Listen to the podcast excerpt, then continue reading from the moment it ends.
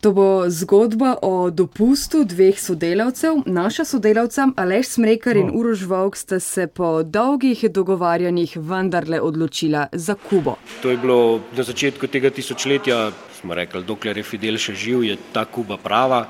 No, sej, pol je še dolg živ. Počitnice v lasni režiji pač klasično potovanje dveh prijateljev za dober mesec, brez nekega Kaj, kam, kako, uh, samo letalsko karto do Havane. No, ampak Ampak, se je kaj zgodilo? počakaj, no, vse ok. glede na izkušnje, marsikje smo že bili do takrat, smo se zelo hitro uh, znašla, tudi uh, spoznala tam domačine, ki so nama dali marsikateri napotek. Ne. In ker cilj potovanja ni bila samo Havana in druge turistične točke, ampak cela Kuba, Uh, ste uporabljali javni prevoz? ne.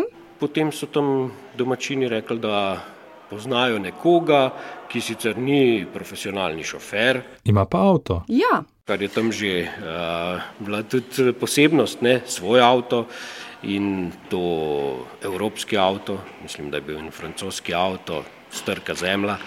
Uh, in da bi bil pa pripravljen, potem ko uh, pride iz službe, naj jo pa peljati, uh, bilo je pa to kar nekaj 100 km, se pravi, kar pošten zalogaj poti. Um, in seveda, mi da so pristala na to, tudi cena je bila zelo ugodna, Aleš se spominja, da je bilo ceneje kot avtobus, super, pa še ustavljaš se lahko, če ti je kaj všeč na poti. Aha, kje so se ustavili, kaj so videli? Ja, niso se ustavljali preveč, ta gospod je namreč ful zamujal, ker je bil do večera še v službi, Aleš in Uroš sta ga celo čakala. In potem, seveda, prišel do naju, mi da so bila že pripravljena nekaj ur eh, in smo se um, potem namestili v ta avto, v prtlažnik še um, dve posodi z benzinom. Benzin? Benzin je problem bil na Kubi, ne? tako da smo ga kar sabo pelali.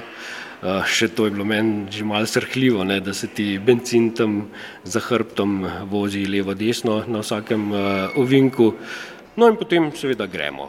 Kmalu je bila noč, šli so, Aleš je pa opazil, da tale šofer ne zgleda najbolj spočit. ni v ravno najboljši formi, da je seveda utrujen od celodnevnega dela, zaspan, ker se mi je zdelo, da se mu glava, ker sem pa kaj mal pade. Ne. Ojej, to se pa ne bo dobro končalo. Jep, In uh, je Uroš sedel spredaj pri vozniku, jaz pa zadaj za njim, sem rekel, Zdaj zmena se tako, uh, en mora biti od naju buden, da nadzira tega šoferja, da ne bi prišlo do kakšne uh, nesreče, do kakšne nepredvidljive situacije.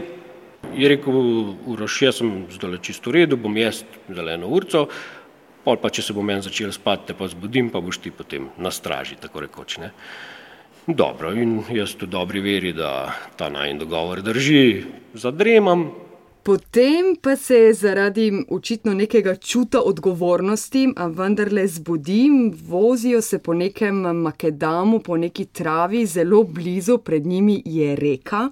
Uroš spi spredaj, spi pa tudi šofer. Ne. In? In jaz v tistem trenutku ne vem, kaj narediti, eh, odreagirati in klofnem eh, z tega zadnjega zica šoferja, da se um predrami in v zadnjem trenutku še zavije tam, da nismo v reko uh, dol padali. Ne. In nauk zgodbe? Moram reči, da od takrat, kadarkoli smo se po Kubi vozili, nisem niti sekunde zatisnil česa, če smo bili v takšnem uh, avtomobilu, da ni bil to uh, javni prevoz. Tako da Uroš pa verjetno tudi več ne. Uroš, pa ja, se je vedel, da bom jaz uh, po konci in spremljal situacijo. Ja, tako da v bistvu smo imeli veliko srečo.